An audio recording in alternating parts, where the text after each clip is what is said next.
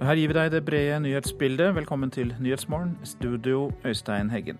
Parlamentet har gitt Storbritannias statsminister Theresa May grønt lys til å starte utmeldingsprosessen fra EU.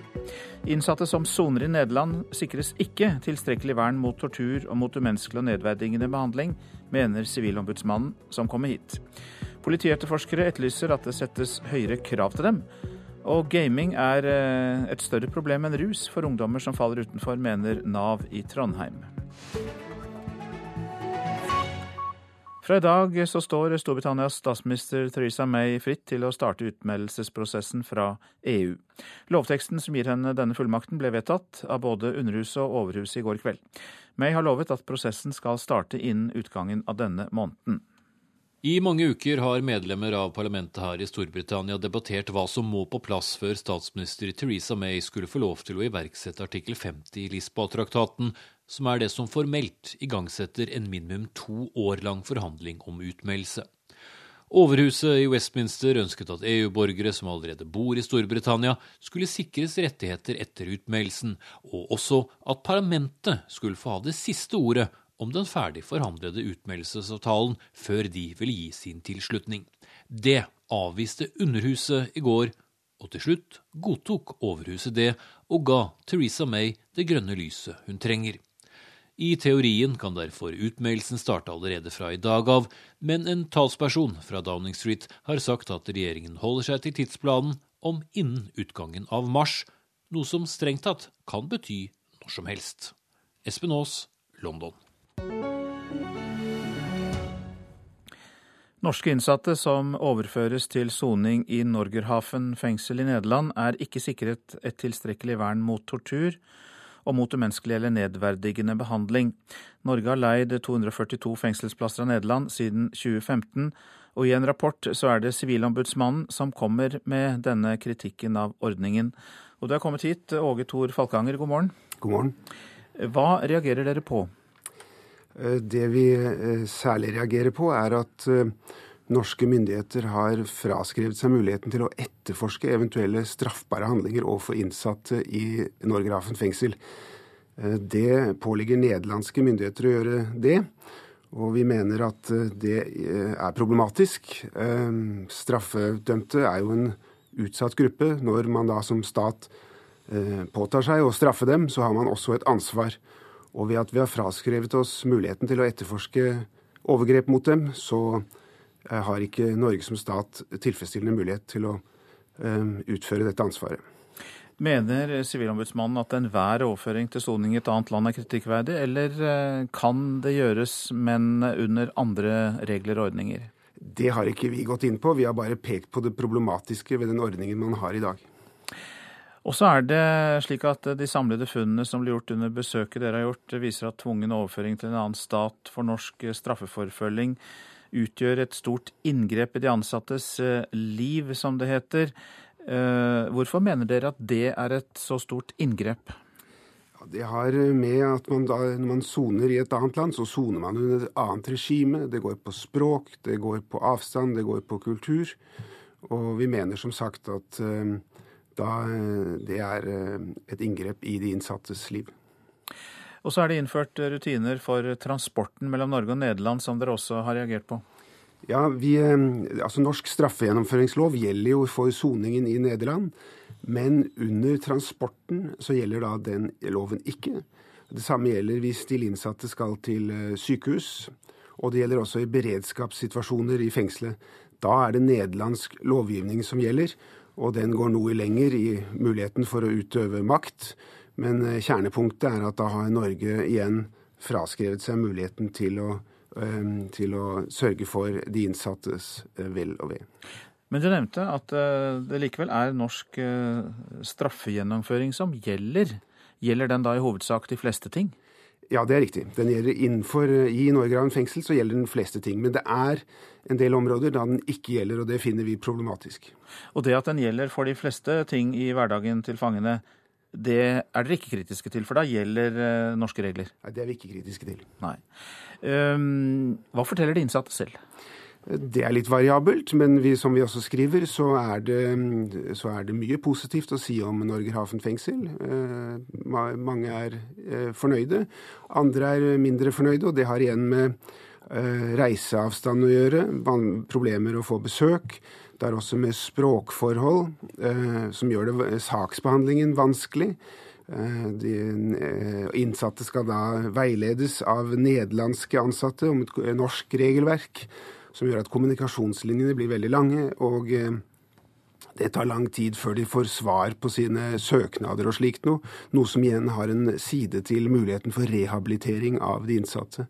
Vi peker også på at uh, muligheten til å ta utdannelse og forberede seg på det livet som de skal ha utenfor murene, ikke er uh, like godt ivaretatt i Nederland som, altså i Norgerhaven fengsel i Nederland som de er i Norge.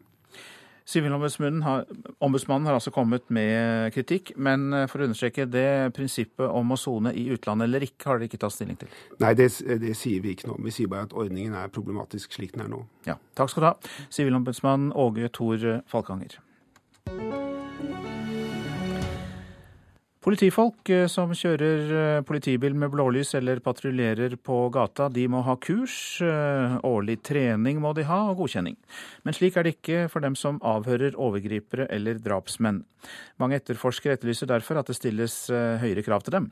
Nå sier politidirektøren at det vil komme krav om at de skal ha årlig trening, men at det ikke blir noen egen sertifiseringsordning. Bare sånn minne om når du er i eh, videoavhørsrommet, så husk at du kan jo forsøke å få han til å vise òg. På en måte rekonstruere litt. Ingebjørg Hansen har avhørskurs for nye etterforskere i Oslo politidistrikt. Hun er drapsetterforsker og avhørsinstruktør. Så da har han jo ikke mørke klær på seg? I Oslo blir nye etterforskere sendt ei veke på kurs, selv om de har fått opplæring i grunnutdanninga.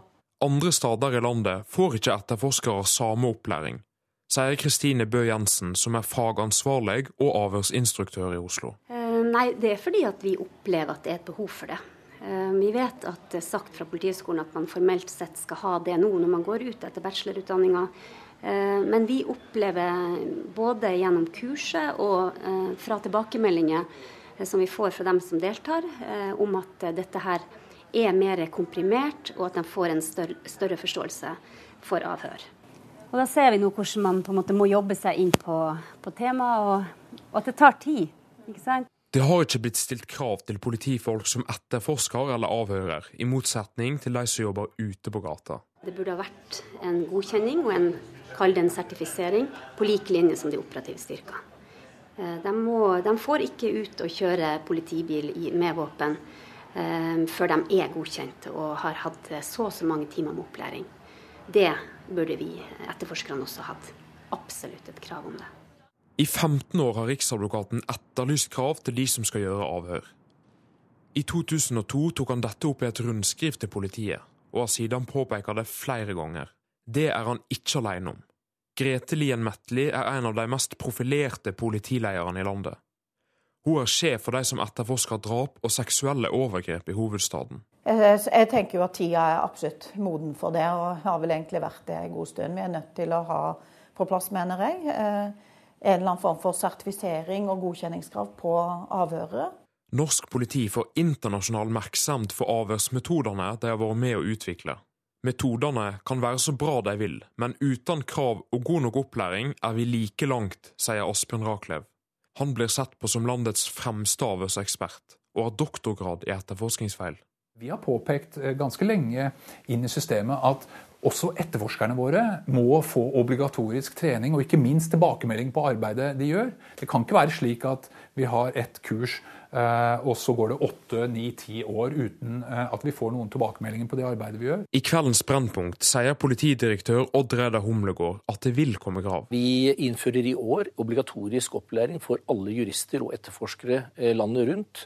Eh, hvor man nettopp skal få mer tilbakemelding på den jobben man gjør. Lære av de beste og jobbe likere. Men eh, kommer det en, et krav til en årlig sertifisering, slik som det har vært for det operative? Ikke en sertifisering. Eh, det er altså Man må passere eh, en 48 timers opplæring for de operative mannskapene. Ja. Nå begynner vi i år med et minimum tre dager for alle etterforskere og jurister. Sånn har det ikke vært eh, før. Samtidig så jobber vi for å etablere dette litt lengre eh, til neste år gjennom Politihøgskolen. Men vi går i gang allerede i år, for vi ser at det er behov for det. Det er en viktig del av eh, politireformen at vi skal fokusere på kvalitet, likere og bedre tjenester landet rundt. Reportere her Simon Solheim og Jeanette Plato. Og i Brennpunkt klokka 21.30 på NRK1 så ser de nærmere på det norske politiavhøret. Blant annet eh, får man bli med inn når Oslo-politiet avhører en mann som er siktet for eh, drap. Og så til statsborgerskap, for det er nemlig stikkord for Politisk kvarter i dag, programleder Lilla Sølvesvik. Ja, i går kom dommen som bekrefter at Mahad Mahamud mister statsborgerskapet sitt etter 17 år i Norge. Han blir nå utvist med varig innreiseforbud, og den dommen skal vi ikke diskutere. Vi skal heller ikke diskutere om det er riktig å ta statsborgerskapet fra tre generasjoner i en familie som kom til landet for 27 år siden. Derimot skal vi diskutere et nytt forslag fra MDG om at når man først har fått statsborgerskap, så skal man ikke kunne ta fra det. Verken Arbeiderpartiet eller Frp syns det er noen god idé. Derimot vil de gjerne være med på en diskusjon om doble statsborgerskap, som Høyre gikk inn for på sitt landsmøte i helga.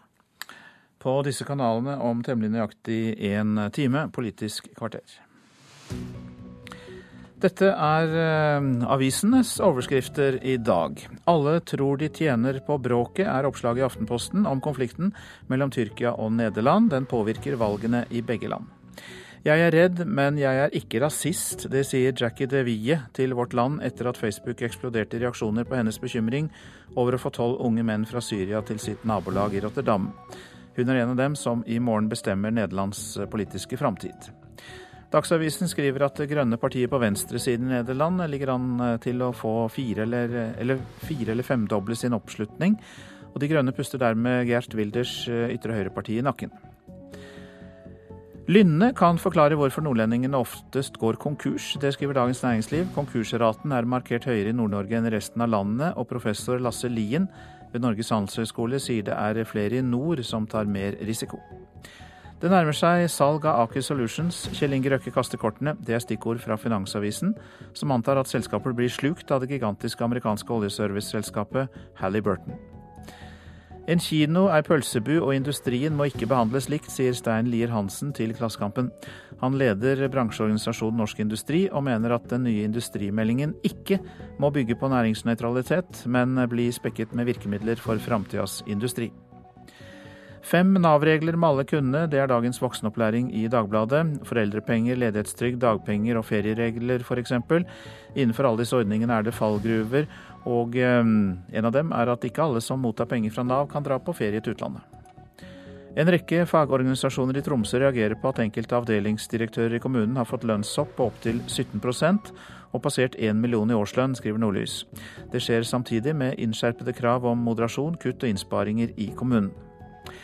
Det var vondt å vrake Petter, sier Vidar Løfshus til VG. Landslagssjefen snakker om at Petter Northug ikke får være med på verdenscupavslutningen i Canada, men Løfshus er krystallklar på at andre løpere er bedre. WADA er ikke et uavhengig kontrollapparat for bekjempelse av doping innenfor idretten. Det sier sjefen for USAs antidopingbyrå, Travis Tigert. Han mener at Verdens antidopingbyrå må deles inn i en lovgivende og en utøvende makt.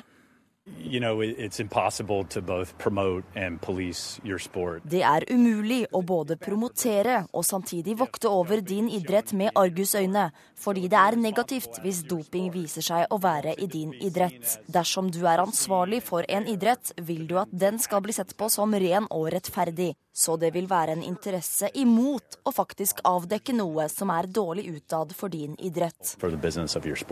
Det sier sjef for USAs antidopingbyrå Travis Tygart. Han mener verdens antidopingbyrå WADA må omorganiseres for å styrke dens uavhengighet. Han vil skille idretten i en lovgivende del, men ekskludere idretten fra den kontrollerende og utøvende makten pga. bindingene til forbundet og IOC. Jeg mener det er ganske enkelt. Man gjør den utøvende delen av WADA til de som holder oppsyn med sanksjoner, testing og etterforskning, uten sportslig innflytelse.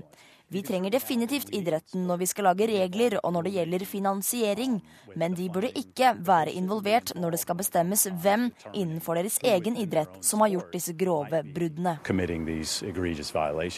I dag er myndighetene og idretten representert med like mange i WADA. Det mener visepresident i WADA, Linda Hofstad Helleland, fungerer godt. Jeg er opptatt av at eh, WADA skal være uavhengig, men eh, den må også ha en forankring eh, i idretten. Og sånn som det er nå, så er halvparten idrett og halvparten myndighetene. Og det er sånn det bør være. Og det var Ida Moseng som var reporter her. Klokka den har passert 6.48, og vi har disse hovedsakene. En av ti bedrifter vil ansette nye folk til våren, og nesten ingen arbeidsgivere vil si opp folk mellom april og juni, viser en undersøkelse fra Manpower. Mer om det etter klokka sju.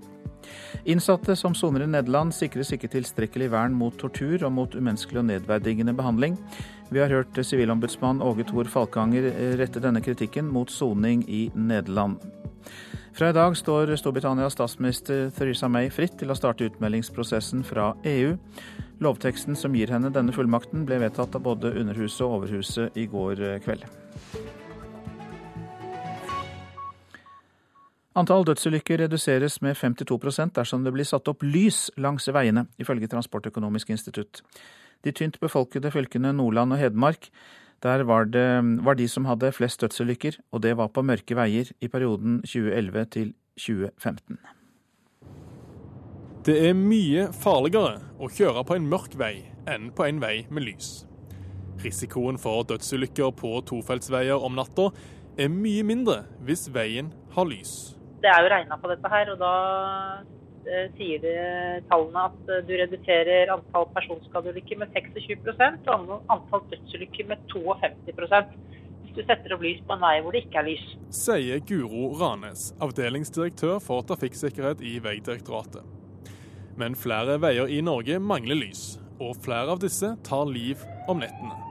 Totalt 14% av de 685 dødsulykkene i Norge i perioden 2011 til 2015 skjedde på mørke veier.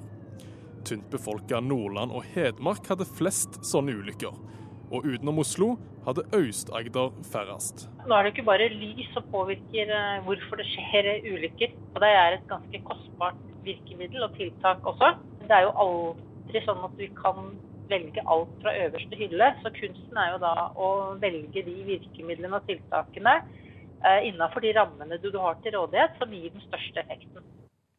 Reporter var Rolf Christian Toppdal. Dataspill er verre enn rus. Nav i Trondheim mener i hvert fall at avhengighet av dataspill er et større problem enn rusavhengighet for unge Nav-brukere der. Mellom 50 og 60% av unge som faller utenfor skole og jobb, sliter med overdreven spilling. Eh, enkelte ungdommer kaller det her litt sånn, en form for elektronisk heroin. Eh, de blir fryktelig avhengige av det. Jeg syns det er et litt sånn skummelt begrep, men det er en sannhet i det. Det ser vi. Hvor eh, omfattende problem er dette? Nei, det Vi ser at de trekker seg veldig godt tilbake, både fra familie og venner. Eh, I ytterste konsekvens så sitter de alene i kjellerstua til foreldre og spiller. Eh, de går ikke opp til måltid, men de lager mat sjøl i tilknytning til der de spiller. Det sier Sverre Aasbakk, som er ungdomsveileder ved Nav Østbyen i Trondheim. Dette handler ikke om pengespill på nett, men diverse spill som tidsmessig kan ta det meste av døgnet for de som er hekta.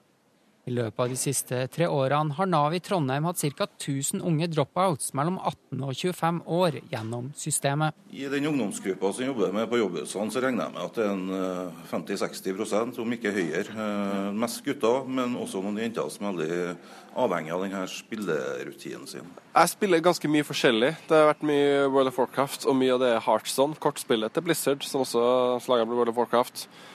Og så har det vært mye konsoll en periode. 21 år gamle Stian Hatling Solbakk fra Trondheim er nå på kurs i Nav-systemet for å få hjelp til å komme seg ut i jobb. I perioder har spilling vært en for stor del av livet hans. Jeg spiller veldig mye forskjellig. Hvor mye tid bruker du på det? Det varierer. Nå, nå, som jeg har noe å gjøre på dagen, så bruker jeg betraktelig mindre. Men jeg, hvis jeg er arbeidsløs og før jeg kom i kursing, så brukte jeg mesteparten av dagen min på å sitte og spille. Og natta? Ja. Mye utover natta òg. Nav i Trondheim søkte nylig om midler fra Helsedirektoratet for å bli bedre på unge og gaming, men fikk nei. Harald Sodu er fagkoordinator for alle Nav-kontorene i Trondheim. Før så var vi kanskje mest eh, bekymra for utfordringene utfordringer når det gjaldt eh, misbruk og den slags, og nå er vi kanskje aller mest bekymra for ungdommene når det gjelder det her med hvordan de bruker tida si, rett og slett. Og at altfor mye tid og alt for mye Altså du blir på en måte helt hekta på spill. Gaming er nå et større problem enn rus for ungdommene som dere har gjennom systemet deres? Jeg tror sånn, Hvis vi snakker antallsmessig, så tror jeg nok vi kan eh, påstå det, iallfall. Selv om eh, vi ikke kan kanskje belegge det med noe sånn helt faktiske tall. Eh, så virker iallfall den kontakten vi har med ungdommer som er knytta til Nav, det virker til å være et, større, et, klart større problem enn den rene på en måte rusproblematikken. Ja. Det påvirka skolelivet mitt for noen, for noen år tilbake. da. Hvordan da? Uh, jeg gjorde ikke lekser, jeg øvde ikke til prøver. Uh, øvde ikke til eksamener, ingenting. Jeg brukte tida mi på å sitte og spille. For at jeg var Det var jo mest for jeg var så det var, Føler i hvert fall jeg at det var fordi jeg var skolelei. Og det har jeg vært i mange, mange år. Uh, jeg hadde ingen interesse for å gå på skole annet enn det faktum at det var det man måtte gjøre. Så det var bare det at på den tida så var det bare at jeg hadde mer lyst til å spille enn jeg hadde til å jobbe på skole. Men nå som jeg er i en kurssetting her nå, så har jeg ingen problemer med å møte opp. Jeg er ikke borte pga. at jeg sitter og spiller. Jeg sitter ikke og spiller langt utover natta. Jeg er i seng til tolv-ett-tida hver natt. Og reporter var Gjøte Toftaker.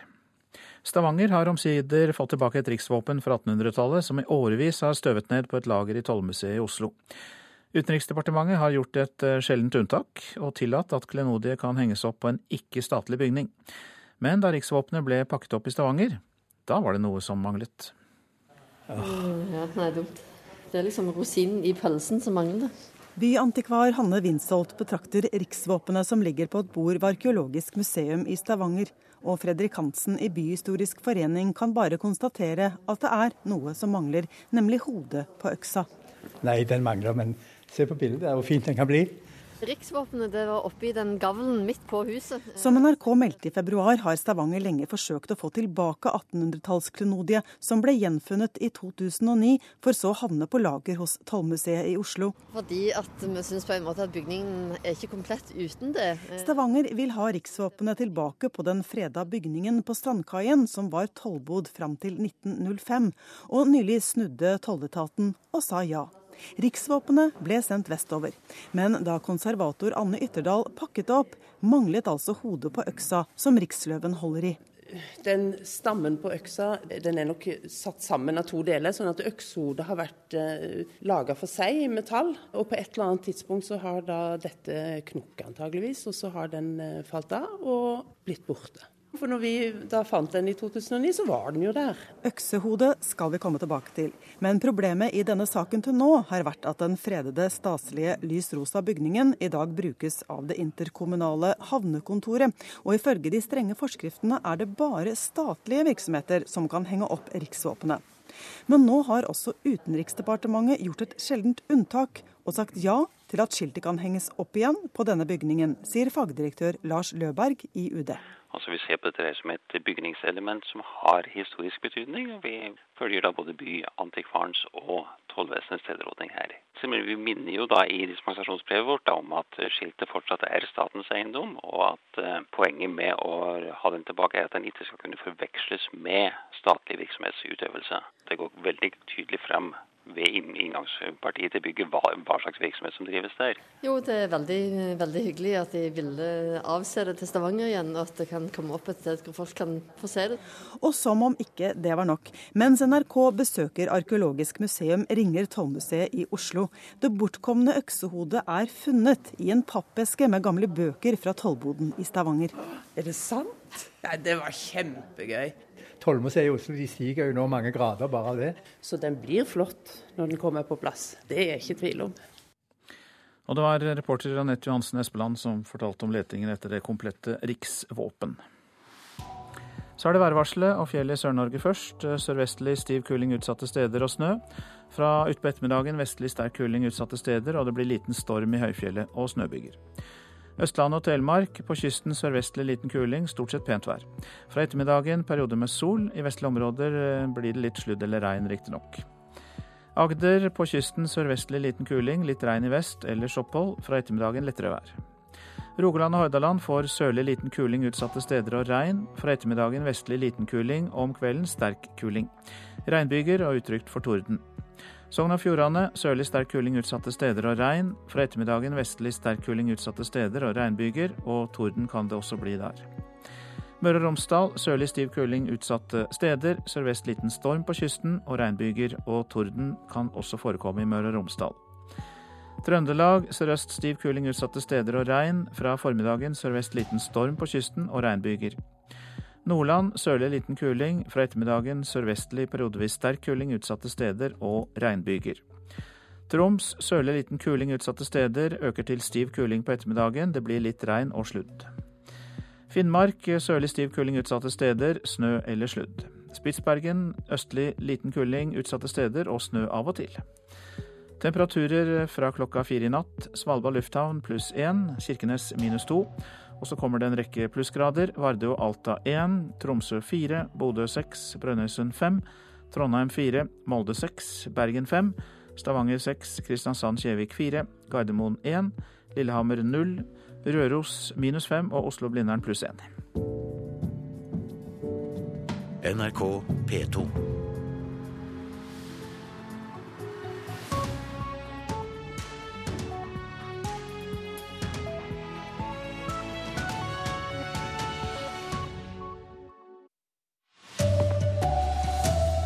Norske innsatte i Nederland har ikke godt nok vern, Sivilombudsmannen med kraftig kritikk av ordninga. I dag kan den britiske statsministeren starte utmeldingsprosessen fra EU.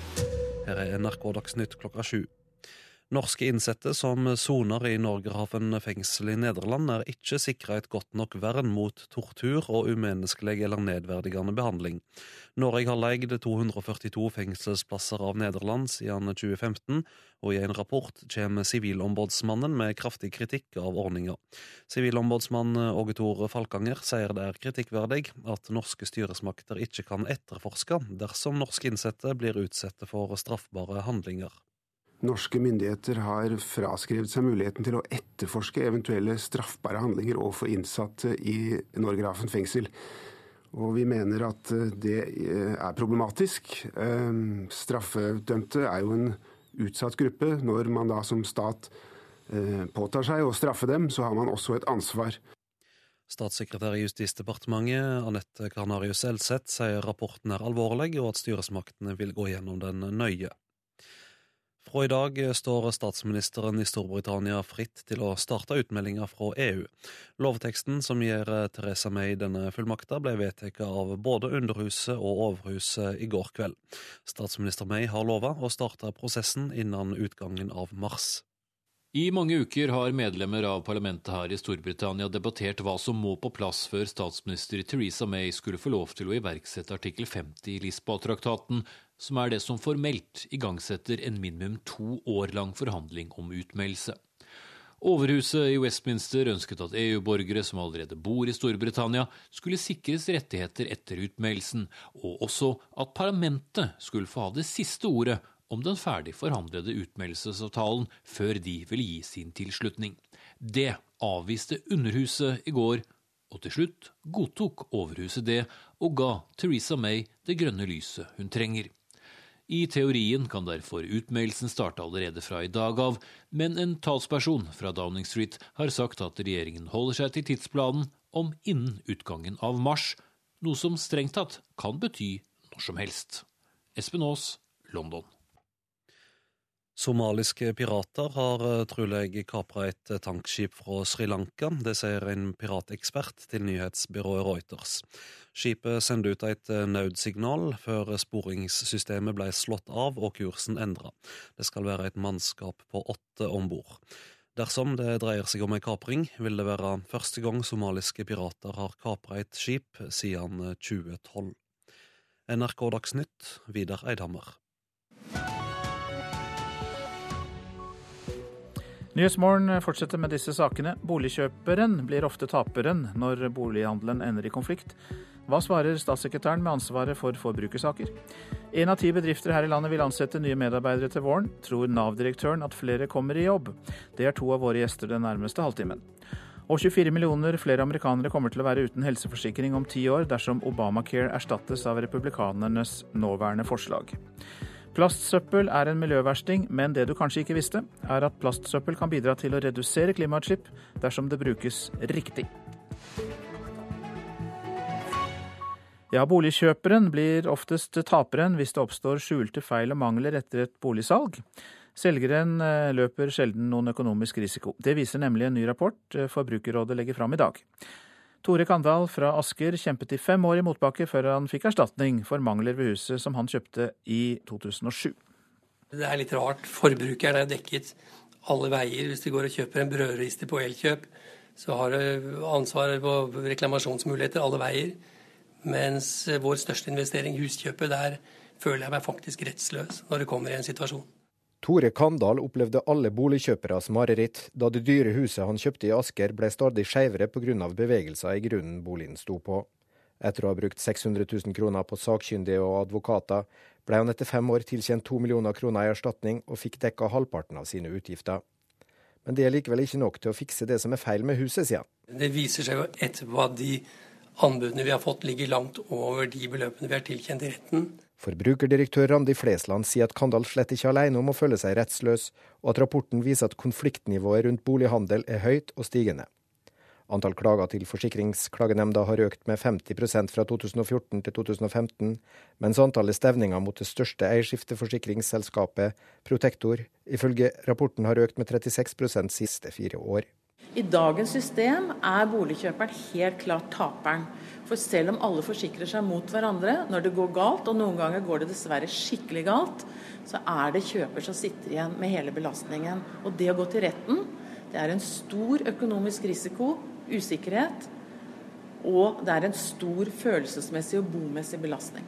Nå vil Forbrukerrådet ha lovendring slik at forsikringene ivaretar både kjøper og selgers interesser. Vi kan ikke leve med dagens system slik Forbrukerrådet ser det. det konfliktnivået er altfor høyt. Boligkjøper blir for ofte utsatt for en stor økonomisk risiko og følelsesmessig belastning. Det er helt nødvendig at politikeren tar ansvar og endrer regelverket rundt bolighandel i Norge. Det største eierskifteforsikringsselskapet Protektor avviser kritikken fra Forbrukerrådet, og hevder at konfliktnivået rundt bolighandelen er redusert med en tredel siden 2004. Selskapet skriver i en e-post til NRK at forventningene til dem som kjøper brukte boliger ofte er urealistiske, og at domstolene gir selskapet helt eller delvis rett i størstedelen av sakene. Boligkjøper Kandal er svært kritisk til at det som kaller seg eierskifteforsikring, realiteten kun er ei forsikring som ivaretar selgers ansvar. Det var, kanskje litt naivt, men vi oppfattet at en eh, eierskifteforsikring dekket uforutsette kostnader og, og reklamasjoner for begge parter. Reporter her var Johan B. Settem. Kai Morten Terning, velkommen hit. Takk. Statssekretær i Barne- og likestillingsdepartementet. Og det er jo det området dere jobber med dette her. Og hva er din reaksjon på at boligkjøperne ofte blir taperne? Jeg først sier at jeg er enig med at eh, det å kjøpe bolig er en av de største investeringene en gjør i løpet av et liv. Ofte er en både kjøper og selger i løpet av et helt liv. Men så var det det med konflikten. Da det, men da er det viktig at det er trygge og gode mm. rammer rundt denne handelen. Og det vi ser, er at eh, konfliktnivået i dag er for høyt. Én av syv eh, eh, saker ender som klagesaker, og det er altfor mye. Men er det da greit at det er slik? Er det noe politikerne kan gjøre for å endre regelverket? Ja, nå er det slik at Denne rapporten som Forbrukerrådet har utarbeidet, ga vi midler til eh, for, å lage. Og de kommer også med en del eh, interessante eh, forslag til tiltak. Eh, noen av de tiltakene går på å sikre takstmennenes ansvar og kompetansen og fagligheten, uavhengigheten takstmennene. De peker også på at vi trenger mer grundige tilstandsrapporter. De ønsker at det legges rette for mer tid i kjøpsprosessen, sånn at tid setter seg inn i hvordan boligens tilstand er, og at forbrukeren sjøl skal velge forsikringsselskaper fritt. Det er noen av de tiltakene som de foreslår i rapporten, og som er interessante, og som vi skal jobbe videre med. Og det er jo en del regler som eh, rammer inn eh, hele denne sektoren bedre. Eh, er den regjeringen du sitter i villig til å gjøre det? Vi er absolutt villige til å se på hvordan vi kan få senka konfliktnivået i boligomsetningen. Og å balansere risikoen mellom kjøper og selger på en bedre måte enn det denne rapporten fra Forbrukerrådet viser til. Men vil du gå så langt som til å si at dere er eh, innstilt på å gi bedre rettigheter til kjøperne? Jeg er innstilt på å ha et bedre marked der konfliktnivået er lavere, og der risikoen balanseres bedre mellom kjøper og selger. Utfordringen i dag, som denne Forbrukerrådets rapport viser, er at konfliktnivået er altfor høyt, og at i noen tilfeller så kommer kjøperne for dårlig ut. Ja, du er opptatt av at konfliktnivået er for høyt, og det, det forstår jeg da etter det vi har hørt her. Men eh, er du også villig til å si at eh, være enig med den kjøperen vi hørte om her, som jobbet, jobbet i fem år for å få det han mente var sine rettigheter, og gi dem eh, mer rettigheter? Helt konkret si at dere er villige til det? Konkret så ønsker jeg å balansere risikoen mellom kjøper og selger bedre. og Det betyr at vi må, gjøre, vi må se på hvilke endringer som er bedre. Jeg kan ikke kommentere akkurat den enkeltsaken dere har funnet eh, eksakt, men jeg er enig i at i en del tilfeller så kommer boligkjøperne for dårlig ut. Men man må huske på at i mange tilfeller så er en både kjøper og selger innenfor en kort periode. Ser alle interesse av at markedet og, eh, og reguleringen av, av, dette markedet blir bedre. Du ser eh, det behovet, og du tror kanskje at det kan komme forslag til lovendring? Ja, altså Det ligger mange gode forslag til tiltak i rapporten. og Dette er ting vi, vi har jobba med over en stund. og Derfor vi betalte penger til Forbrukerrådet òg for å lage den rapporten. Vi ønsker mest mulig informasjon, og vi ønsker å se på hvilke tiltak vi skal gjøre for å gjøre denne, dette markedet bedre.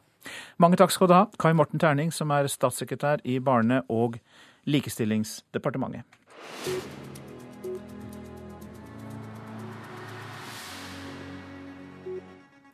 En av ti bedrifter landet rundt vil ansette nye medarbeidere til våren. Jobbklimaet har ikke vært så godt på fire år, viser Manpower-undersøkelsen. Også på Sør-Vestlandet er det tommel opp.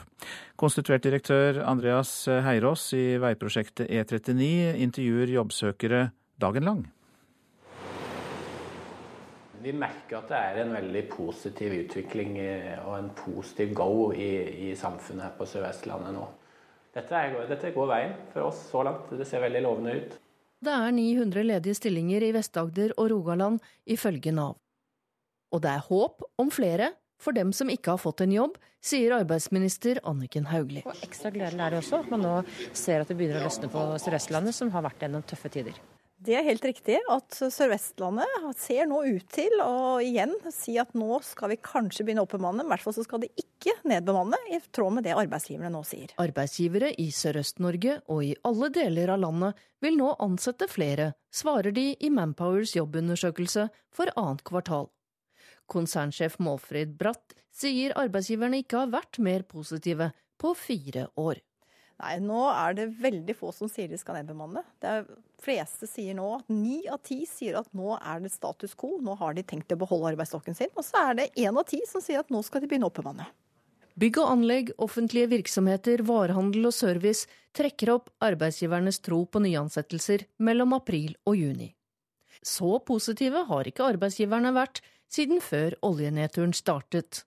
Men det er altfor mange som ikke går på jobben, sier Svein Oppegård, direktør for politikk i NHO. Og Det som er spesielt bekymringsfullt, er jo alle de unge som står utenfor arbeidslivet. Selv om arbeidsledigheten nå synes å ha nådd en slags topp, så er det de som står utenfor som er den store utfordringen. Derfor må alt fokus nå ligge på å bevare og skape nye lønnsomme arbeidsplasser i privat sektor, sier han. Fordi en av store utfordringene i norsk arbeidsliv er jo å hele folket til arbeid. Mye av dette handler jo også om eh, det som blir regjeringens viktigste tiltak fremover, nemlig å skape flere lønnsomme arbeidsplasser i privat sektor. Altså, vi ser at det er stor etterspørsel etter arbeidskraft i mange bransjer over hele landet. Sier Anniken Hauglie.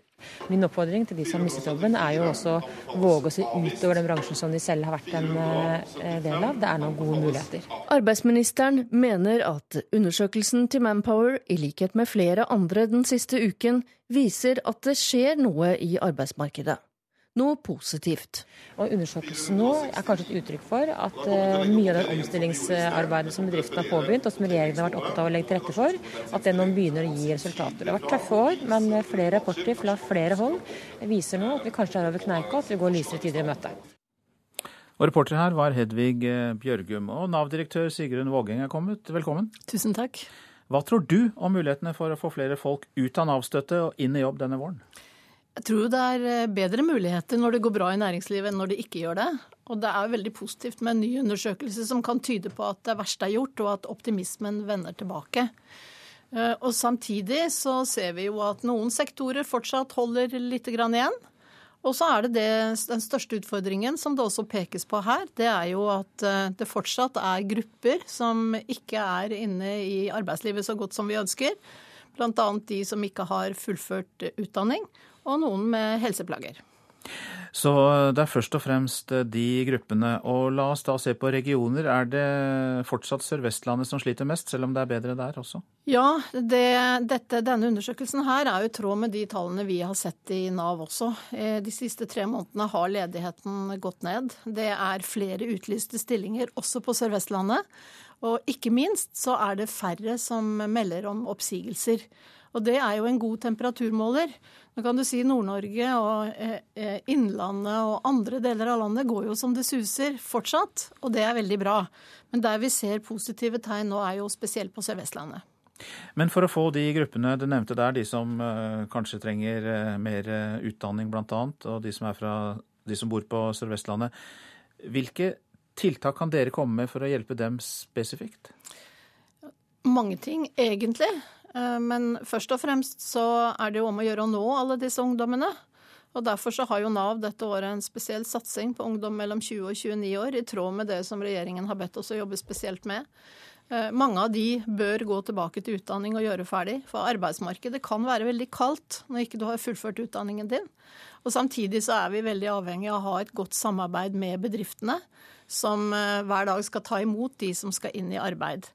Eh, og sånn som vi ser det nå, så er det jo mye lettere for en arbeidsgiver når det går bra, og også tenke på at man kan ta et ekstra tak for de som trenger litt ekstra hjelp for å komme seg i gang. Men så har vi hørt historier om folk som eh, går tilbake til utdanning, og så mister de støtten fra dere. Fins det noen ordninger for å bøte på det? Ja, De reglene vi opererer med, er jo fastsatt av politikerne.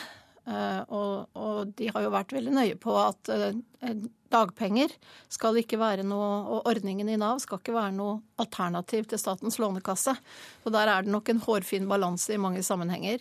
Uh, men de aller fleste som er i gang, de ser at de kan avslutte utdanningen sin innenfor det regelverket som er. Vi forsøker så langt vi kan å legge til rette. Og målet må jo være at alle kommer seg raskest mulig tilbake til arbeid. Mange takk skal du ha, Sigrun Vågeng, som er Nav-direktør. Klokka har passert kvart over sju, og dette er eh, hovedsaker. Innsatte som soner i Nederland sikres ikke tilstrekkelig vern mot tortur og mot umenneskelig og nedverdigende behandling. Ja, det mener Sivilombudsmannen, som har kommet med en rapport om eh, de som soner i Nederland. Boligkjøperne blir oftest taperen, mens selgeren sjelden løper, no, sjelden løper noen risiko hvis det oppstår skjulte feil og mangler etter et boligsalg, viser en rapport fra Forbrukerrådet. Og Vi har hørt at én eh, av ti bedrifter vil ansette nye folk til våren. Og det er eh, nesten ingen arbeidsgivere som sier at de vil si opp folk eh, mellom april og juni, viser en undersøkelse fra Manpower. Og Vi hørte jo også her at uh, Nav-direktøren var uh, rimelig optimistisk når det gjaldt uh, framtida, men at det er de som ikke har fullført utdanning, som bør fullføre den. Det er parlamentsvalg i Nederland i morgen. Høyrepopulisten Gert Wilders eh, kan bli størst med sitt parti. Statsminister Mark Rutte fra det liberale partiet kjemper for å fortsette å lede landet etter valget. Samtidig må han håndtere en diplomatisk krise med Tyrkia. Siste utspill derfra er at den nederlandske statsministeren er uønsket i Tyrkia. Og Philip Lote, europakorrespondent eh, som nå er i Nederland. Hvordan eh, spiller denne krisen mellom de Nato-allierte Nederland og Tyrkia inn i valgkampen? Foreløpig så vil uh, altså Nederland studere straffetiltakene fra Tyrkia, er det de sier. Ambassadøren fikk i går beskjed om at han ikke får lov å vende hjem. Heller ingen andre eh, diplomater fra Nederland får lov til å gå inn i eh, tyrkisk luftrom. og Det må jo da også inkludere regjeringsmedlemmer, eh, nederlandske regjeringsmedlemmer. Så det er ganske sikkert at dette kommer til å prege denne siste dagen før de går til urnene i, i morgen. Eh, og Hvis dette også begynner å handle om eh, flyktningavtalen mellom EU og Tyrkia, fordi at Nederland ligger jo her på en måte i front i en større uenighet mellom Tyrkia og EU, som også inkluderer Tyskland. Hvis Erdogan begynner å true med å eh, trekke seg fra flyktningavtalen, hvor han da har hindret flyktninger å komme seg videre fra Tyrkia inn i Europa. Hvis dette blir tema, så vil det ganske sikkert tjene eh, Gert Wilders, som eh, ønsker å gå ut av EU, og som ønsker og som han sier, å gjenvinne kontroll over egne grenser. Eh, Mark Rutte har tatt en klar og tydelig posisjon i denne uenigheten og krangelen med Tyrkia foreløpig. Eh, og han må nok regne med at han må bruke mye energi på dette i løpet av dagen. Men foreløpig så er vel eh, dommen at han har klart å håndtere dette på en, en, en god måte. Men det er altså et større spill enn bare valget i Nederland, som vi hører Philip Lote. Også i går møtte Gert Wilders og statsminister Mark Rutte hverandre til debatt. Ga den noe svar? Den ga noen klare svar, og kanskje det aller tydeligste var når eh, statsminister Mark Rutte for første gang eh, sa til Gert Wilders at jeg kommer ikke, og mitt parti kommer ikke til å samarbeide med deg under noen omstendighet, ikke i regjering eller å hente støtte utenfor, utenifra. Eh, og det sa han da ansikt til ansikt til Gert Wilders. Met zo'n partij, meneer Wilders, ga ik niet samenwerken. Niet in een kabinet en ook niet in een gedoogconstructie. Niet, nooit, niet. Reactie van de heer Wilders? Ja, Vi hørte tydelig at det ikke var tale om, og at det var et nei, som eh, vi hørte fra statsministeren eh, der. Og eh, nå, de siste timene, Lote, hva vil prege valgkampen? Jeg tror dette vil prege valgkampen til en viss grad, for Gert Willer sier at hvis jeg blir størst, hvordan kan alle de andre partiene ignorere meg? Det vil være en fornærmelse mot uh, flere millioner nederlandske uh, velgere. Så dette, i tillegg til uh, denne disputten med Tyrkia, så kommer det til å bli tema. Det kommer til å bli mye diskusjon om hvilke koalisjoner som kan danne regjering sammen. Men så er det veldig mye frykt i dette valget. Man spiller mye på frykt. Du kan si at Gert Wilders han spiller på frykten for islam. Han blir anklaget for å gjøre problemene større og ikke ville løse dem. Eh, han spiller på eh, frykten for eh, at Nederland bruker for mye penger inn i EU og mister kontroll over egen økonomi og egne, egne grenser. Dette kommer helt sikkert til å være tema også i dag.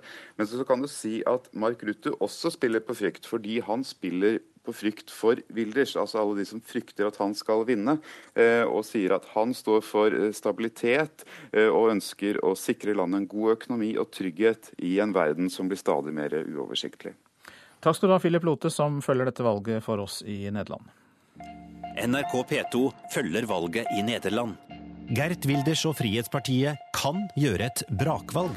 Like Nederland har mange og små partier. Hva gjør de Wilders-kritiske velgerne nå? Vil de fortsette å stemme lojalt på sitt lille parti, eller stemme strategisk mot mannen som vil forby islam? Islam threat, violent, vil den høyrepopulistiske vinden øke ytterligere i styrke, eller holder de tradisjonelle partiene stand? Vi forteller deg hva som skjer, og prøver å forstå hvorfor det skjer. NRK P2. Og nå til eh, USA. 24 millioner flere amerikanere kommer til å være uten helseforsikring om ti år dersom dagens Obamacare blir erstattet av republikanernes foreslåtte alternativ. Det er konklusjonen i en rapport som det politisk uavhengige budsjettkontoret i Kongressen la fram i går. Ifølge Kongressens budsjettkontor vil republikanernes alternativ føre til at 14 millioner færre amerikanere er forsikret allerede neste år. I 2026 vil 24 millioner av dem som hadde vært forsikret med Obamas helseforsikringsprogram, være uten forsikring. I alt 52 millioner mennesker. Lederen for budsjettkontoret, forkortet til CBO, er utpekt av republikanerne i Kongressen, men skal levere partipolitisk uavhengige vurderinger. Helseminister Tom Price var ikke fornøyd i går. We that the plan that we, we're putting in place is going to insure more individuals than currently are insured. So we think they, that uh, CBO simply has it wrong. Helseminister Price mener at den republikanske planen vil forsikre flere enn dem som er forsikret i dag. Budsjettkontoret tar simpelthen feil, sier Price. Lederen for det demokratiske mindretallet i Senatet var ikke enig. Han mener at republikanerne bør ta rapporten alvorlig og trekke tilbake reformforslaget. The only winners in this CBO report are the health insurance executives and the wealthy Americans. De eneste vinnerne er ifølge denne rapporten forsikringsselskapenes sjefer og de velstående amerikanerne, sa senator Chuck Schumer. Obama-administrasjonens reform har ført til at rundt 20 millioner flere mennesker har fått forsikring, mange av dem gjennom utvidelse av Medicaid, en forsikringsordning for fattige amerikanere. For republikanerne i Kongressen har det i flere år vært en fanesak å få avskaffet den såkalte Obamacare. Ifølge deres forslag skal det ikke lenger være straffbart å la være å tegne forsikring. Adgang til forsikring skal erstatte pålegg om forsikring, og folk skal kunne kjøpe billigere og mindre omfattende forsikringer. En rekke skatter som bidro til å finansiere Obamacare, skal avskaffes. Ifølge Kongressens budsjettkontor vil det republikanske forslaget redusere USAs budsjettunderskudd med totalt 337 milliarder dollar, eller 2800 milliarder kroner over en tiårsperiode. Men innsparingen kommer altså med en kostnad for millioner av mennesker, ifølge det samme budsjettkontoret. Groholm, Washington. Og så til det avisen er opptatt av. Alle tror de tjener på bråket, er oppslaget i Aftenposten om konflikten mellom Tyrkia og Nederland. Den påvirker valg og folkeavstemninger i begge land. Jeg er redd, men jeg er ikke rasist, sier Jackie DeVille til Vårt Land etter at Facebook eksploderte i reaksjoner på hennes bekymring over å få tolv unge menn fra Syria til sitt nabolag i Rotterdam.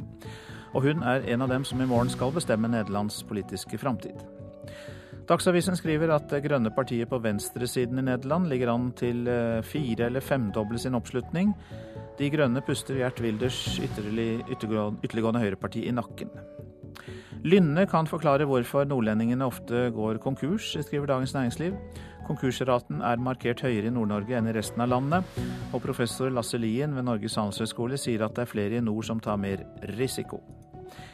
Det nærmer seg salg av Aker Solutions. Kjell Inge Røkke kaster kortene, det er stikkord fra Finansavisen, som antar at selskapet blir slukt av det gigantiske amerikanske oljeserviceselskapet Halliburton. En kino, ei pølsebu og industrien må ikke behandles likt, sier Stein Lier Hansen til Klassekampen.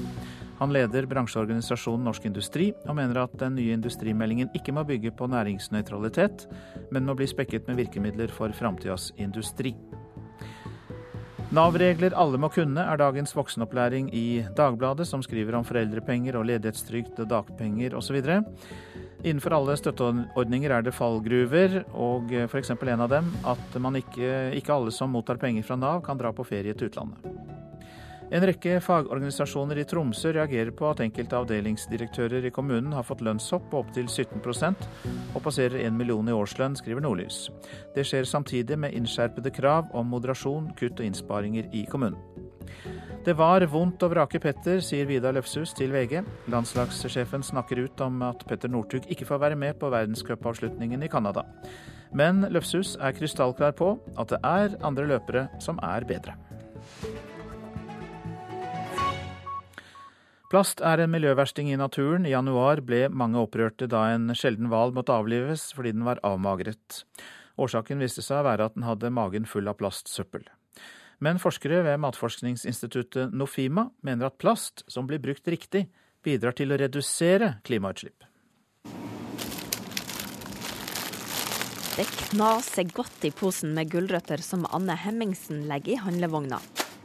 Denne pakken med gulrøtter er transportert langt for å nå kundene i Nord-Norge, i likhet med avokadoene, agurkene og kålen som ligger side ved side innpakka i plast i frukt- og grøntdisken. Jeg syns det er unødvendig. Eh, det er mange som trenger ikke å være pakka inn, sånn som kål f.eks. Og blomkål, og det er mye. Anne Hemmingsen er blant mange som har blitt opprørte av å se bildene av gåsenebbhvalen som sulta i hjel fordi magesekken var full av plast. Og engasjert, det ble også Kristin Bjørkli. Jeg tenker jo mye på plast. Jeg tenker først på disse bæreposene i plast. Dem tror jeg man lett kunne kutta ut. Og så kunne man jo ha brukt papirposer eller noen andre typer poser istedenfor plast å pakke inn. Men jeg bruker sjelden å kjøpe frukt som ligger allerede i plast. Det gjør jeg ikke. Men plastemballasjen på frukt og grønt er ikke overflødig. På Ås utenfor Oslo forsker Marit Kvalvåg Pettersen i Nofima på effekten av å emballere varer som kjøttvarer, kål og agurker.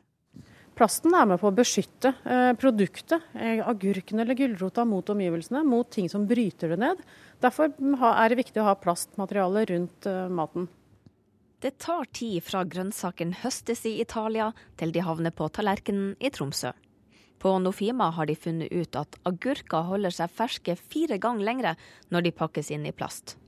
Tall fra Bama viser også at ved å pakke druer i begre, så har mengden druer som ødelegges under transport blitt redusert fra rundt 10% til bare 2% Marit Kvalvåg Pettersen sier at det er viktig å se på det totale miljøregnskapet før man peker på plast som den største miljøsynderen, og hun gir et eksempel. Når man produserer eh, maten, så bruker man fem ganger så mye energi som når man produserer emballasjen. Produksjon og transport av mat gir store miljøutslipp. Danske forskere har sett på utslipp knytta til kjeden fra maten produseres og til den havner i butikken. Produksjonen av mat står for 70% av klimabelastninga pga. at det brukes sprøytemidler, beslaglegger jordarealer og krever vann og oksygen. Plastemballasje utgjør i denne sammenhengen bare 1 Derfor er det viktigere å ikke kaste mat, sier Kvalvåg Pettersen. Det betyr jo at hvis du da reduserer emballasjemengden for å tro at du skal gjøre en miljøgjerning, eh, men vi kaster maten, så har vi jo egentlig gjort ganske mye gærent isteden. Også Miljødirektoratet mener at det viktigste er å spise opp maten sin så ikke så mye kastes og mindre trenger å produseres. Men det er også viktig å sørge for at plasten ikke havner i naturen, og derfor sorterer Kristin Bjørkli søpla si. Ja, det er viktig å resirkulere og, og, og bruke de, det vi har for å resirkulere ting. Plast og annen ting. Reportasjen var laget av Marit eh, Garfjell. Produsent for Nyhetsmorgen i dag, Eli Bjelland, og her i studio, Øystein Heggen.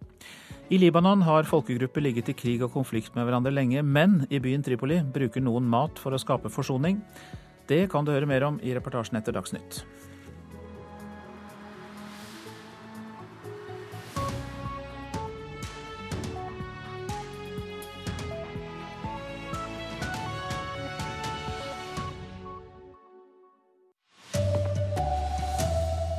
Den nye eieren blir oftest taperen når bolighandelen ender med krangel.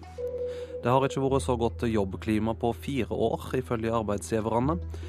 Og dataspilling kan være et større problem enn rus, mener Nav i Trondheim. Enkelte ungdommer kaller det her litt sånn en form for elektronisk heroin. De blir fryktelig avhengige av det. Her er NRK Dagsnytt klokka 7.30. Bostadkjøperen blir oftest taperen dersom det blir oppdaga skjulte feil og mangler etter kjøpet. Det syner en rapport Forbrukerrådet legger fram i dag. Tore Kandal fra Asker kjempa i fem år før han fikk erstatning for mangler ved huset han kjøpte i 2007. Det er litt rart. Forbrukeren er dekket alle veier. Hvis du går og kjøper en brødriste på Elkjøp, så har du ansvar på reklamasjonsmuligheter alle veier. Mens vår største investering, huskjøpet, der føler jeg meg faktisk rettsløs når det kommer i en situasjon. Tore Kandal opplevde alle boligkjøperes mareritt da det dyre huset han kjøpte i Asker ble stadig skjevere pga. bevegelser i grunnen boligen sto på. Etter å ha brukt 600 000 kroner på sakkyndige og advokater, ble han etter fem år tilkjent to millioner kroner i erstatning, og fikk dekket halvparten av sine utgifter. Forbrukerdirektør Randi Flesland sier at Kandal slett ikke er alene om å føle seg rettsløs, og at rapporten viser at konfliktnivået rundt bolighandel er høyt og stigende. Antall klager til Forsikringsklagenemnda har økt med 50% fra 2014 til 2015, mens antallet stevninger mot det største eierskifteforsikringsselskapet Protektor ifølge rapporten har økt med 36% siste fire år. I dagens system er boligkjøperen helt klart taperen. For selv om alle forsikrer seg mot hverandre når det går galt, og noen ganger går det dessverre skikkelig galt, så er det kjøper som sitter igjen med hele belastningen. Og det å gå til retten, det er en stor økonomisk risiko, usikkerhet, og det er en stor følelsesmessig og bomessig belastning. Nå vil Forbrukerrådet endre loven slik at forsikringene rundt bolighandelen ivaretar både kjøper og selgers interesser. Vi kan ikke leve med dagens system slik Forbrukerrådet ser det. Reporter Johan B. Sette. Og Kai Morten Terning, statssekretær med ansvar for forbrukersaker i Barne- og likestillingsdepartementet, sier at også regjeringa ønsker å balansere risikoen mellom kjøper og selger bedre. Ja, nå er det slik at Denne rapporten som Forbrukerrådet har utarbeidet, ga vi midler til eh, for, for lage. Og de kommer også med en del eh, interessante eh, forslag til tiltak. Eh, noen av de tiltakene går på å sikre takstmennenes ansvar og kompetansen og fagligheten, uavhengigheten takstmennene. De peker også på at vi trenger mer grundige tilstandsrapporter. De ønsker at det legges rette for mer tid i kjøpsprosessen, sånn at tid setter seg inn i hvordan boligens tilstand er, og at forbrukeren sjøl skal velge forsikringsselskaper fritt. Det er noen av de tiltakene som de foreslår i rapporten, og som er interessante, og som vi skal jobbe videre med. Et bygg i Skostredet i Bergen sentrum ble totalskadd i en brann i natt. En person ble sendt til legevakt for sjekk. Brannen spredde seg til et nabobygg, men brannvesenet fikk raskt kontroll. Tre personer var i huset det tok fyr i, og alle kom seg ut. Det er ikke klart hva som er årsaka til brannen, som skjedde i et område med særlig stor spredningsfare. Ei av ti virksomheter vil tilsette nye folk til våren, og jobbklimaet har ikke vært så godt på fire år, syner Manpower-undersøkinga. Også på Sør-Vestlandet er det tommel opp. Konstituert direktør i veiprosjektet E39, Andreas Heierås, intervjuer jobbsøkere hele dagen. Vi merker at det er en veldig positiv utvikling og en positiv go i, i samfunnet her på Sør-Vestlandet nå. Dette, er, dette går veien for oss så langt. Det ser veldig lovende ut. Og det er 900 ledige stillinger i Vest-Agder og Rogaland, ifølge Nav. Arbeidsgivere der og i alle deler av Norge vil nå ansette flere, svarer de i jobbundersøkelsen for annet kvartal. Konsernsjef Målfrid Bratt i Manpower Group Norge sier arbeidsgiverne ikke har vært mer positive på fire år. Nei, nå er det veldig få som sier de skal nedbemanne. Ni av ti sier at nå er det status quo, nå har de tenkt å beholde arbeidsstokken sin. Og så er det én av ti som sier at nå skal de begynne å oppbemanne. Bygg og anlegg, offentlige virksomheter, varehandel og service trekker opp arbeidsgivernes tro på nyansettelser mellom april og juni. Reporter Hedvig Bjørgum. Fra i dag står den eh, britiske statsministeren Theresa May fritt til å starte utmeldingsprosessen fra EU. Lova som gjev henne fullmakter ble vedtatt av både Underhuset og Overhuset i går kveld. May har lova at prosessen skal starte før april. I mange uker har medlemmer av parlamentet her i Storbritannia debattert hva som må på plass før statsminister Theresa May skulle få lov til å iverksette artikkel 50 i Lisboa-traktaten, som er det som formelt igangsetter en minimum to år lang forhandling om utmeldelse. Overhuset i Westminster ønsket at EU-borgere som allerede bor i Storbritannia, skulle sikres rettigheter etter utmeldelsen, og også at parlamentet skulle få ha det siste ordet om den ferdig forhandlede utmeldelsesavtalen før de ville gi sin tilslutning. Det avviste Underhuset i går, og til slutt godtok Overhuset det og ga Theresa May det grønne lyset hun trenger. I teorien kan derfor utmeldelsen starte allerede fra i dag av, men en talsperson fra Downing Street har sagt at regjeringen holder seg til tidsplanen om innen utgangen av mars, noe som strengt tatt kan bety når som helst. Espen Aas, London. Dataspillavhengighet er et større problem enn rus for mange unge Nav-brukere. Det mener Nav i Trondheim, som har regna ut at over halvparten av unge som ikke er i skole eller jobb, sliter med for mye spilling. Eh, enkelte ungdommer kaller det her litt sånn en form for elektronisk heroin. Eh, de blir fryktelig avhengige av det. Jeg syns det er et litt sånn skummelt begrep, men det er en sannhet i det. Det ser vi. Hvor eh, omfattende problem er dette? Nei, det Vi ser at de trekker seg veldig godt tilbake både fra familie og venner. Uh, I ytterste konsekvens så sitter de alene i kjellerstua til foreldre og spiller. Uh, de går ikke opp til måltid, men de lager mat sjøl i tilknytning til der de spiller. Det sier Sverre Aasbakk, som er ungdomsveileder ved Nav Østbyen i Trondheim. Dette handler ikke om pengespill på nett, men diverse spill som tidsmessig kan ta det meste av døgnet for de som er hekta. I løpet av de siste tre årene har Nav i Trondheim hatt ca. 1000 unge dropouts mellom 18 og 25 år gjennom systemet. I den ungdomsgruppa som jobber med på jobbhusene, så regner jeg med at det er en 50-60 om ikke høyere. Eh, mest gutter, men også noen jenter som er veldig avhengig av denne spillerutinen sin. Harald Sodu er fagkoordinator for alle Nav-kontorene i Trondheim. Før så var vi kanskje mest eh, bekymra for Eh, utfordringer når det gjaldt uh, misbruk uh, og den slags. Og nå er vi kanskje aller mest bekymra for ungdommene når det gjelder det her med hvordan de bruker tida si, rett og slett. Og at altfor mye tid og alt for mye Altså du blir på en måte helt hekta på spill. Reporter Gjøte Toftaker. Politifolk som kjører politibil med blålys eller patruljerer på gata, må ha kurs, årlig trening og godkjenning. Slik er det ikke for de som avhører overgripere eller drapsmenn. Mange etterforskere etterlyser krav til seg sjøl, og nå sier politidirektøren at det vil komme krav om årlig trening, men ikke ei godkjenningsordning. Bare sånn minne om når du er i videoavhørsrommet, så husk at du kan jo forsøke å få han til å vise òg. Ingebjørg Hansen har avhørskurs for nye etterforskere i Oslo politidistrikt. Hun er drapsetterforsker og avhørsinstruktør. Så da har jo ikke mørke klær på seg. I Oslo blir nye etterforskere sendt ei veke på kurs, selv om de har fått opplæring i grunnutdanninga.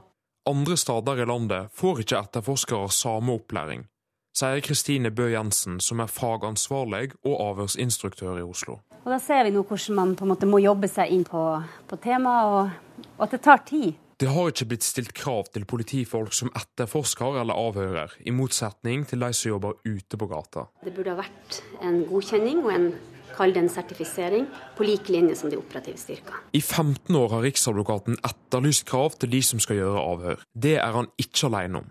Grete Lien Metli er en av de mest profilerte politilederne i landet. Hun er sjef for de som etterforsker drap og seksuelle overgrep i hovedstaden.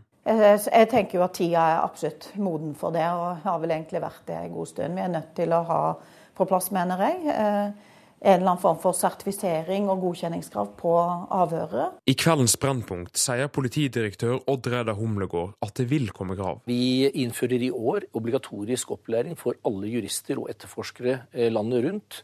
Eh, hvor man nettopp skal få mer tilbakemelding på den jobben man gjør.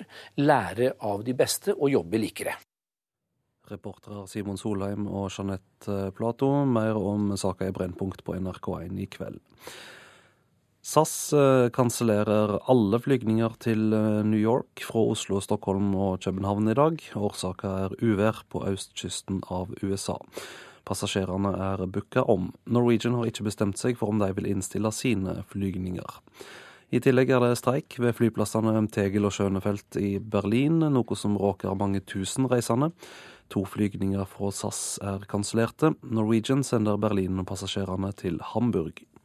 Ansvarlig for sendinga var Bjørn Christian Jacobsen. Her i studio Vidar Eidhammer.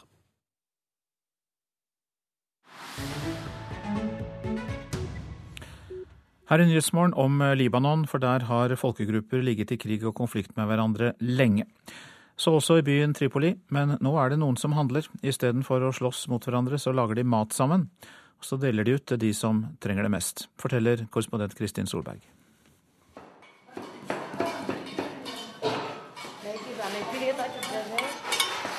Nasrin Halabi kutter løk og tomater med raske bevegelser. Ved siden av henne står Halima Ahmed og smører ost på brød. To kvinner på et kjøkken en scene dagligdags verden over, men akkurat her, i denne byen, i dette nabolaget, ville scenen ha vært helt utenkelig for bare to år siden.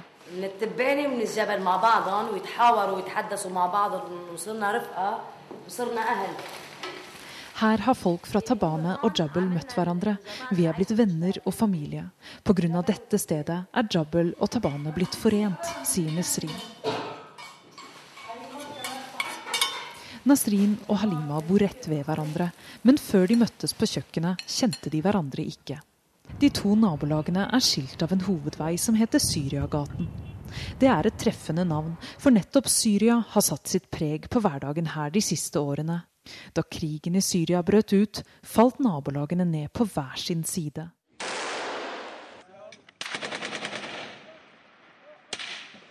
Jebel Mosen støttet president Assad, Babel Tebene støttet opprørerne.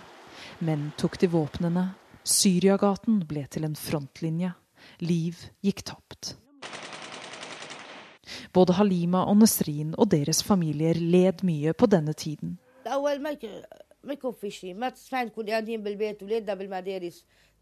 Halima husker at hun løp ut for å hente barna hjem fra skolen hver gang kampene brøt ut.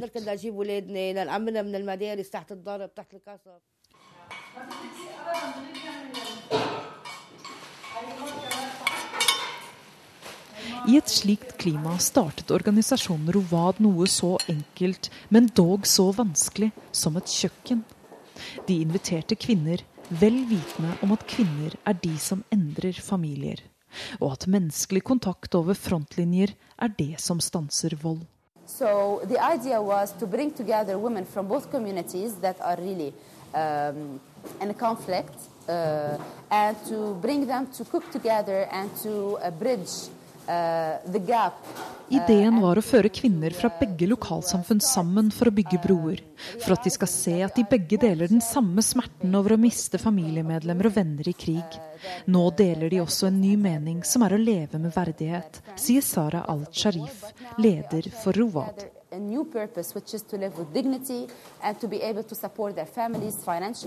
I dag er våpnene stilnet i Tripoli, i hvert fall inntil videre. Den libanesiske hæren står godt synlig i begge nabolag. Men ennå er det slik at kjøkkenet, som ligger på nøytral grunn i Syriagaten, har to innganger. En fra Bab el-Tebane, den andre fra Jebel Mosen.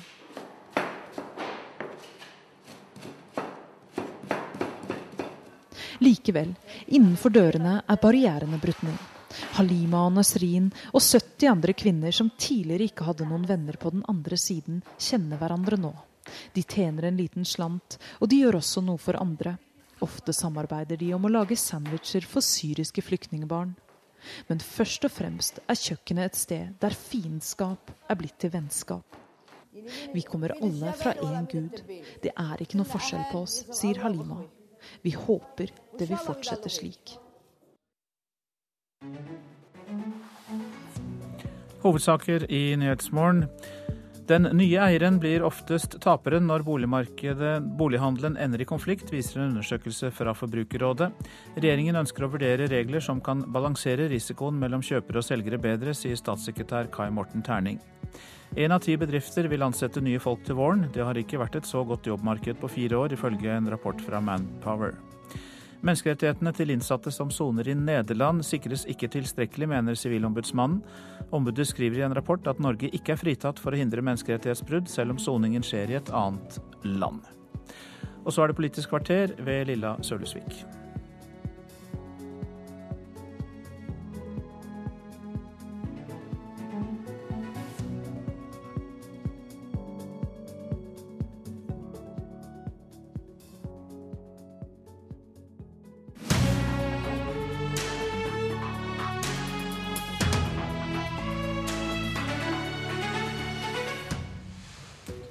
Miljøpartiet De Grønne vil stoppe jakten på norske statsborgere. I dag legger de fram forslag i Stortinget. Den som har fått statsborgerskap, skal beholde det, uansett om de har løyet. Samtidig har de fått ny tro på at Norge kan gjøre som våre naboland, nemlig tillate doble statsborgerskap. I går kom dommen i tingretten. Mahad Mahamud kan fratas sitt norske statsborgerskap etter 17 år i Norge. UNE fikk medhold da de hevda at Mahamud løy om sitt hjemland da han kom til Norge som 14-åring.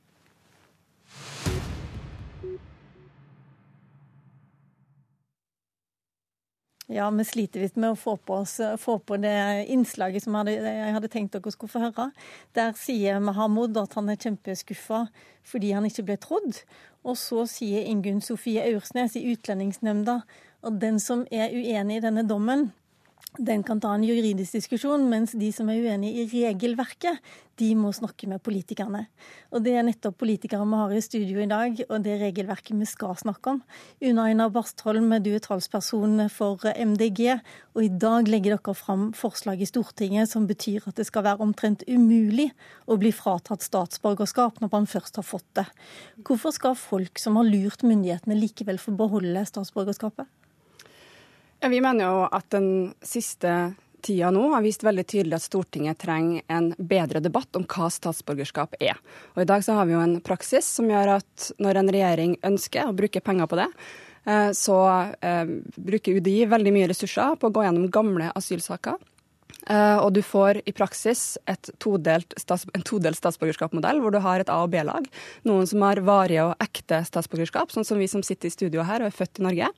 Uh, og et annet lag som har, rett på statsborgerskap uh, på andre grunnlag, fordi de har vært i Norge lenge, kanskje kommet hit som asylsøkere i utgangspunktet. Som blir et B-lag, som har uekte eller midlertidige opphold. Uh, og Det er jo problematisk på veldig mange måter. Altså For det første så er det jo veldig uvanlig i Norden med en sånn praksis, så det er viktig å vite at Norge skiller seg her ut. Uh, for det andre så er det jo uh, veldig inngripende for den det gjelder. det kan være traumatisk å oppleve. Du mister jo den helt elementære tryggheten. Og det gjør jo igjen at det også er lite hensiktsmessig for fellesskapet, tenker vi, og integreringsarbeidet som partiene på Stortinget er ganske enige om at er viktig. Eh, og ikke minst er det som sagt veldig dårlig bruk av UDI sine ressurser, mener vi. Helga Pedersen, du er i kommunalkomiteen for Arbeiderpartiet, og dere har jo støtta dette forslaget om at det er domstolen og ikke UNE som skal avgjøre om folk blir fratatt statsborgerskapet. Kan du også støtte dette forslaget fra MDG? Nei, det kommer vi ikke til å, å, støtte. Og Årsaken til det er at eh, hvis du har kommet til Norge og søkt om eh, beskyttelse, eh, så, så forventer vi at du skal si sannheten og, og, at man får avklart identitet. Det er en bærebjelke i asylpolitikken, og jeg mener det er helt avgjørende for at vi skal eh, ta vare på vår evne og vår oppslutning til å gi mennesker som trenger beskyttelse. Og Som samfunn så har vi brukt vanvittig mye ressurser på å utvikle teknologi, vi bruker folk. Og alle lovendringer vi har gjort de siste årene har jo handla om å styrke avklaring av identitet. og Derfor mener jeg at eh, det må få konsekvenser, eh, også om det har eh, gått en del tid hvis du har løyet. Men tror du flere vil si sannheten hvis de vet at ja, om 17 år eller 20-20 år, som det gjelder en annen familie, da kan de bli fratatt statsborgerskapet igjen? Ja, det er jo vanskelig å spekulere i, men jeg mener i hvert fall at signalet fra Stortinget må være veldig tydelig. Du skal snakke sant når du kommer eh, til Norge. Men når det eh, er sagt, så mener vi jo at det er behov for å styrke rettssikkerheten rundt det som handler om å frata folk statsborgerskapet. Eh, vi mener at de beslutningene skal flyttes inn i domstolene for at du får en grundigere eh, vurdering av bevis, en grundigere eh, prosess. Og vi mener jo også at eh, botid skal inngå i de vurderingene som domstolen gjør, for det gjøres i veldig liten grad i dag. Men det ligger jo inne i dag at botid skal vurderes. Det er jo bl.a. vurdert i Mahmoud-saken. Ja, men eh, vi føler oss ikke eh, trygg på at det gjøres systematisk eh, nok eh, i dag. Og vi mener at Stortinget må gi et klart signal når nå forhåpentligvis statsborgerskapssakene flyttes inn i domstolene, at domstolene skal gjøre en forholdsmessighetsvurdering der botid inngår. Helge André Njåstad kan nesten si på forhånd at Frp kommer vel ikke til å støtte MDG i dag. Da kan du trygt ja. ja. Det sa også innvandringsministeren i går. Men skjønner du dette poenget med at nå har dere integreringsministeren, innvandringsministeren. Når skal man noen gang få ro? Ja, Det er jo et godt spørsmål. Vi syns det er viktig å diskutere disse sakene. Og syns ikke at det, det støyer å diskutere viktige spørsmål.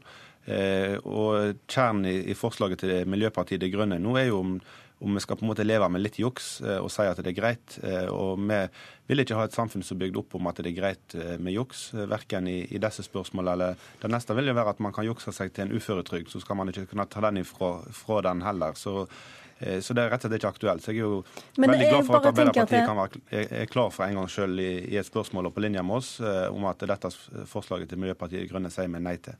Bastholm eh, tok opp dette med ressursbruken, og nå i helga fikk vi høre at eh, UDI ikke har råd til å gjennomføre én-til-én-intervju med enslige mindreårige asylsøkere, men dere har altså råd til å sjekke 500 gamle saker på statsborgerskap? Ja, og Det viser seg jo at det er riktig å sjekke, sånn at vi sender ut et signal om at man skal oppgi riktig identitet. Eh, for det får konsekvenser hvis man, hvis man ikke gjør det. Så det er et viktig viktig signal som han sender ut til alle de som i dag sitter på, på intervju og skal si hva identitet de har. Hvis Miljøpartiet De Grønne sitt forslag som blitt vedtatt, så hadde vi sett ut et signal om at eh, bare man jukser og kommer forbi den første kneiken, eh, så har man eh, fått lov å bli her permanent. Eh, så det er jo et system vi overhodet ikke kan ha. Eh, så vi er nødt til å ha en streng og rettferdig innvandringspolitikk. og Derfor så er jeg glad for at det er vi som styrer det departementet, og at det er Frp-politikk. Så når Norge står overfor de prøvelsene som vi nå har gjort i denne perioden, at det er Eh, Frp og ikke f.eks. Miljøpartiet De Grønne, som har den ministeren. Miljøpartiet De Grønne og Bastholm, du sitter her og rekker opp hånda, men jeg lurer på det, det, punktet som han sier der, at eh, hvis man først har juksa én gang, så skal man altså belønnes resten av livet? Mm, jeg hører jo at verken Arbeiderpartiet eller Frp har rukket å lese forslaget vårt. Eh, men vi har også sagt de siste ukene når vi har snakka om akkurat dette forslaget, at selvfølgelig skal det ikke være lov å oppgi feil identitet eller på andre måter lyge for norske myndigheter. Hva er da sånn forskjellen med det som er regelen i dag?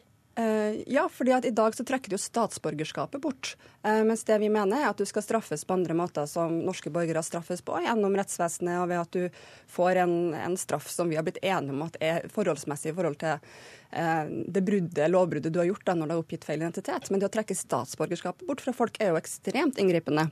Det må man jo betrakte som en straff i seg sjøl, og en kanskje mye større straff enn mange uker, kanskje mange måneder i fengsel.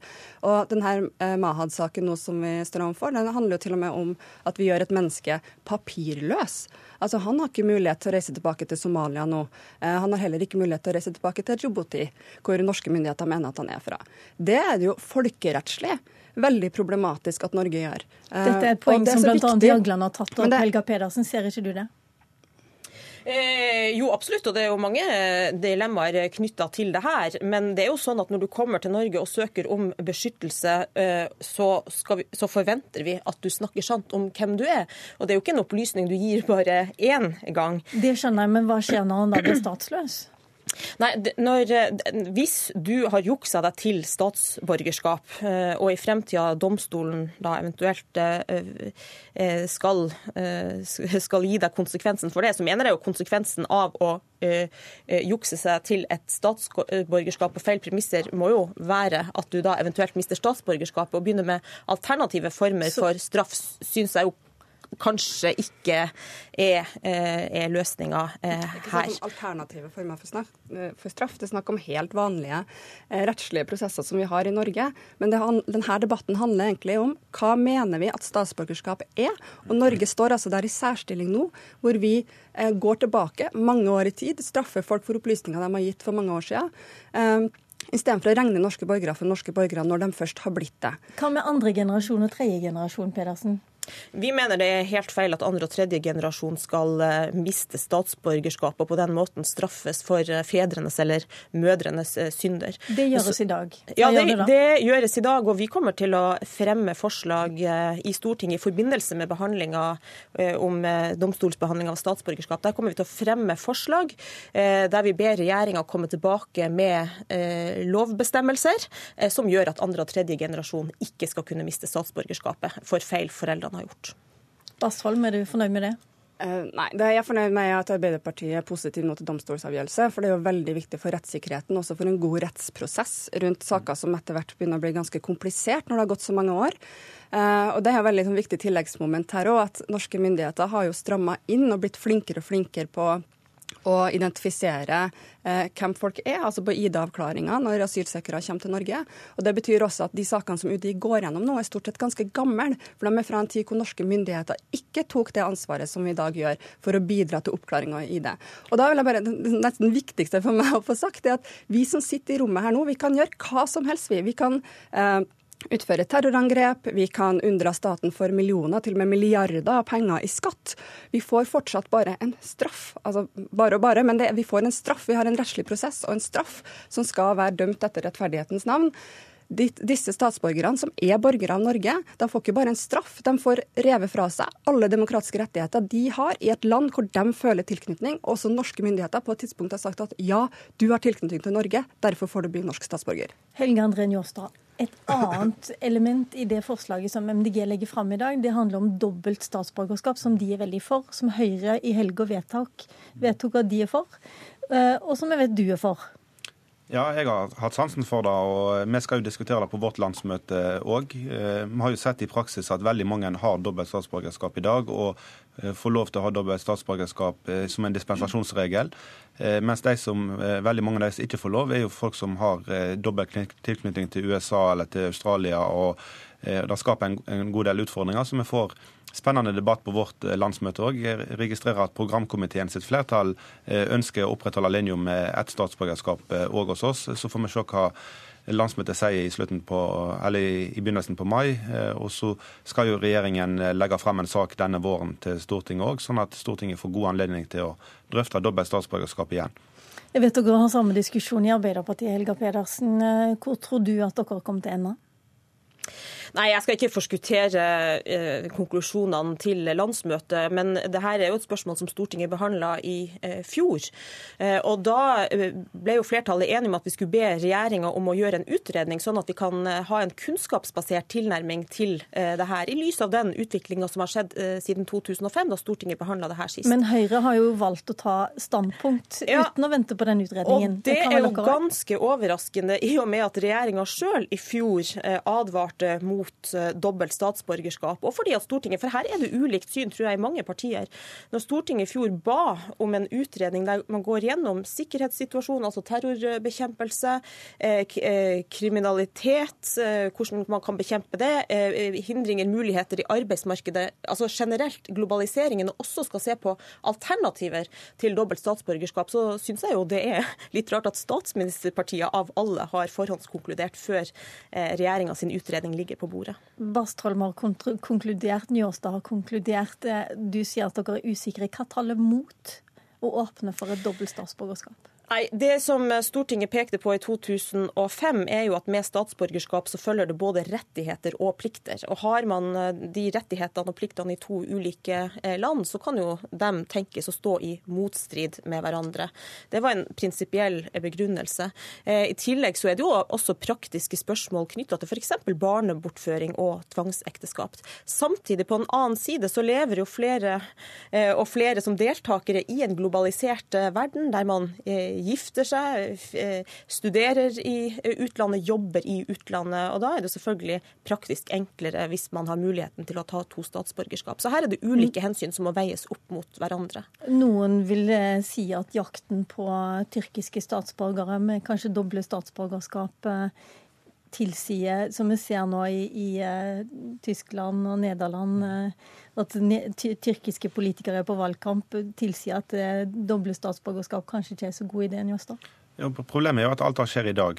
For veldig mange land har regler som sier at du ikke kan miste statsborgerskapet ditt, som gjør at man får dispensasjon. Så alle motforestillingene har man jo i dag. Spørsmålet er om man skal òg blokkere for de fornuftige, de som får barn med noen fra Australia. Barna blir født der, og så får man store problemer etterpå. Eh, så alle, alle utfordringer med dobbelt statsborgerskap har man jo i dag gjennom dispensasjon. Så da må man jo ta en diskusjon om man skal bli strengere på, på dispensasjonsadgangen eh, i, i, tillegg. Eh, for i dag så, så, rammer det på en måte feil når man ser hvem som blir rammet av at man ikke finner gode løsninger når man har gifta seg i USA eller Australia. Tida vår er ute, Bastholm. Jeg ser du har lyst på ordet, men eh, du får ta det, eller eh, du får la Rasmus Hansson ta det i Stortinget i dag. Tusen takk til dere. I studio Lilla Sølhusvik. Hør flere podkaster på nrk.no podkast.